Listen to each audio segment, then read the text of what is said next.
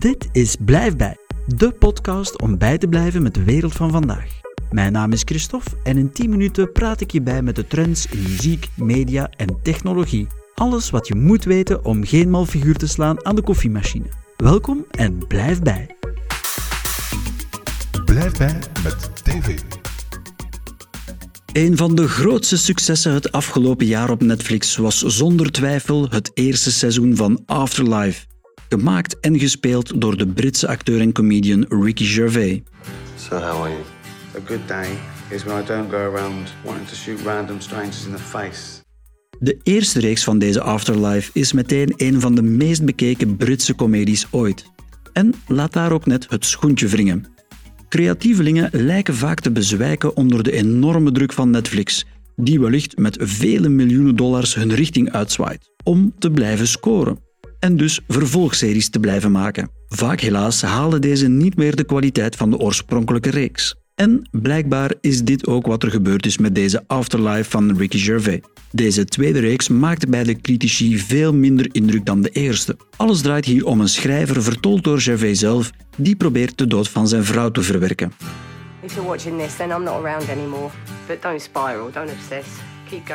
Afterlife 1 en 2 nu dus te zien op Netflix. De derde reeks is ook alweer onderweg. It's disgusting. See you next Tuesday. Ook onder contract bij Netflix zijn de Obama's, Barack en Michelle Obama, die na hun carrière in het Witte Huis nu dus ook het streamingplatform zullen voorzien van content. My fellow Americans, yes, we can. Hiervoor hebben ze zelfs hun eigen productiehuis opgericht Higher Ground. Hun eerste film American Factory won eerder dit jaar zelfs de Academy Award voor de beste documentaire. Nu is er dus hun nieuwste kindje online, Becoming. Een soort lange reclamefilm of een extraatje als je wil bij het boek van Michelle Obama met dezelfde titel. I am from the south side of Chicago. That tells you as much about me as you need to know. Zeer doordacht allemaal, afgelikt, maar toch een mooie insideblik op het leven van de voormalige First Lady van de United States. Becoming nu op Netflix te zien. The whole eight years we were in the White House, we used Laura Bush's Netflix password. Nog meer streamingnieuws en wat mij betreft zeer goed nieuws. De goede mensen bij Disney zullen ook geluisterd hebben naar deze podcast. In de vorige aflevering zei ik nog dat de lanceringsdatum voor Disney Plus in België nog niet bekend was. Dat is nu dus niet meer zo. We kunnen vanaf nu rijkhalzend uitkijken naar september, want vanaf dan kunnen we genieten van alle Disney-klassiekers, maar ook alles van Marvel, Pixar, de Star Wars franchise en National Geographic. Hi, everyone. I'm Olaf, and I like warm hugs. De exacte prijzen voor al dit lekkers zijn nog niet bekend, maar wellicht zal het vergelijkbaar zijn met de prijs in Nederland. Daar betaal je nu 6,99 euro per maand of 69,99 euro voor een heel jaar Disney+. Als de mensen van Disney dan toch echt zouden luisteren, met twee kleine kids hier in huis is een proefabonnementje altijd welkom. You'll get what's coming to you. What's coming to you? Where'd you dig this bozo up? Ondertussen is het ook nog afwachten wat de gevolgen van corona voor de algemene Vlaamse televisieproductie gaat betekenen. De zomerprogrammatie van de traditionele zenders belooft alvast heel mager te worden en zelfs de geplande programma's voor het najaar zouden kunnen lijden onder de coronamaatregelen. Dan krijgen we wellicht nog wat meer herhalingen te zien, bijvoorbeeld de guilty pleasure telenovelle Sarah die nu terugloopt op VTM. Blijf bij met technologie. De aankondiging van een nieuwe iPhone is doorgaans moeilijk te missen. Een horde overenthousiaste journalisten wordt samengepropt in het Steve Jobs Theater in Cupertino, waar vervolgens Tim Cook op het toneel verschijnt met een nieuw staaltje spitstechnologie. Corona besliste er ook deze keer anders over. De iPhone SE 2020 werd vrij geruisloos uitgebracht. Jammer, want in tegenstelling tot enkele vorige modellen belooft deze middenklasser echt waar voor je geld. Het toestel is om te beginnen niet te groot, een kwaal waar veel smartphones tegenwoordig wel aan lijken te lijden. Het is ook de goedkoopste iPhone tot hiertoe. Je betaalt voor het instapmodel slechts 489 euro. Maar vooral, het laat de concurrentie ver achter zich op het gebied van prestaties. De iPhone wordt aangedreven door een processor die zo goed is dat momenteel geen enkele andere smartphone er tegenop kan. Zelfs het nieuwste toestel van Samsung, de S20, die toch al minstens gauw 800 euro kost, kan niet tippen aan deze nieuwe iPhone. Vanaf nu dus te verkrijgen. They scar the lands of England. Lands they will never defend. Een van de meest bekende games in Gameland is de Assassin's Creed franchise, waar ondertussen toch al heel wat games zijn onderuitgebracht.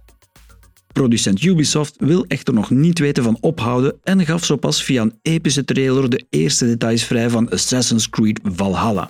In deze nieuwe versie maken we deel uit van een klan Noormannen die op zoek gaan naar een beter leven in Engeland. In ware vikingstijl steek je de ijzige Noordzee over op zoek naar grondstoffen en een nieuwe thuis. Interessant wel is dat deze versie ons de keerzijde van het verhaal lijkt te willen tonen. We zien hier de vikingen deze keer niet als meedogenloze woestelingen die de Engelse dorpen veroveren en afbranden, maar eerder als vluchtelingen die noodgedwongen hun thuisland achterlieten op zoek naar een betere wereld.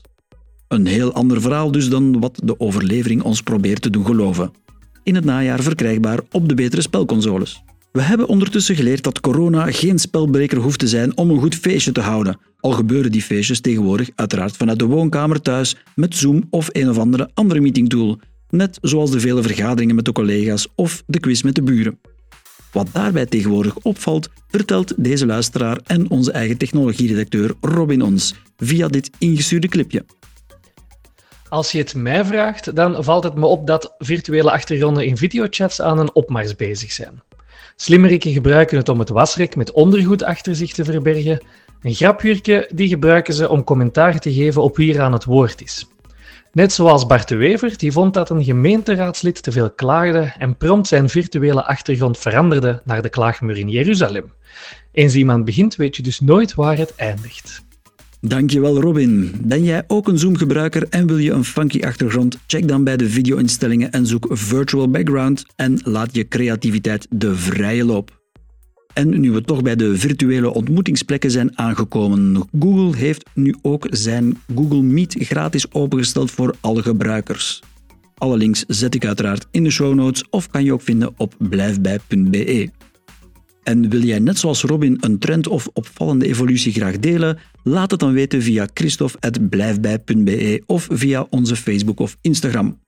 Misschien ben jij de volgende keer wel te horen hier in de podcast. Ik zou het alvast super vinden.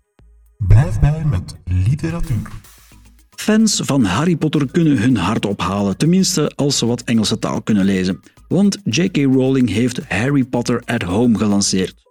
Het is een website waar je onder andere gratis toegang krijgt tot Harry Potter and the Philosopher's Stone, het eerste boek uit de Harry Potter saga. Maar er staan ook nog heel wat andere goodies in de wereld van Harry Potter te vinden.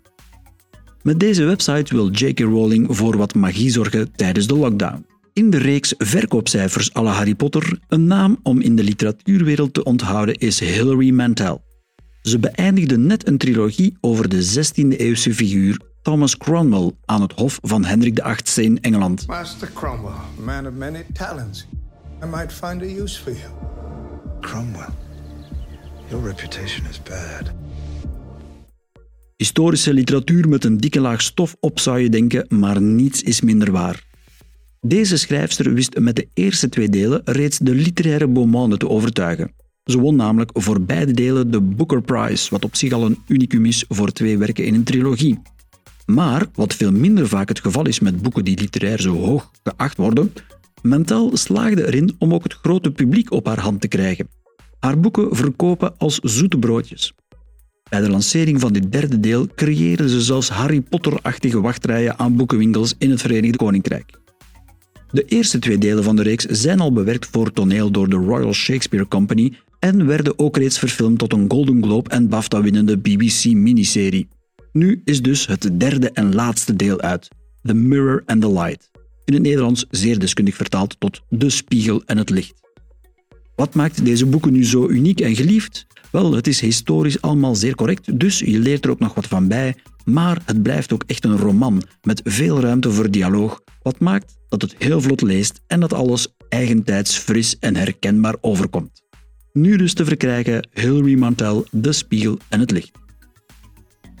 Blijf bij met muziek. De hits van het moment nog even opgelijst. Reggie blijft goed scoren op alle commerciële zenders met zijn hit uit het VTM-programma Liefde voor Muziek met de zeker niet op te volgen raadgeving in de titel.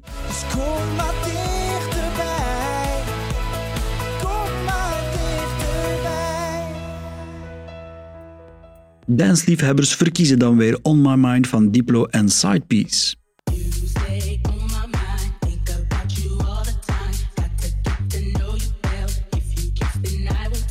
De luisteraars van Radio 1 kiezen in hun Voxlijst dan weer voor Royce Murphy en haar nieuwe single in ware disco revival stijl, Murphy's Law.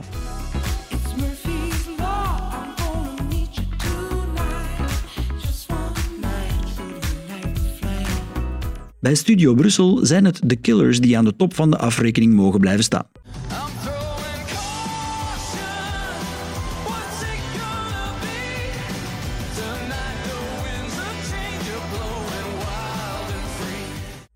Dit was het voor deze keer. Alle dank en virtuele knuffels voor Robin, Valerie en Michiel voor hun bijdrages.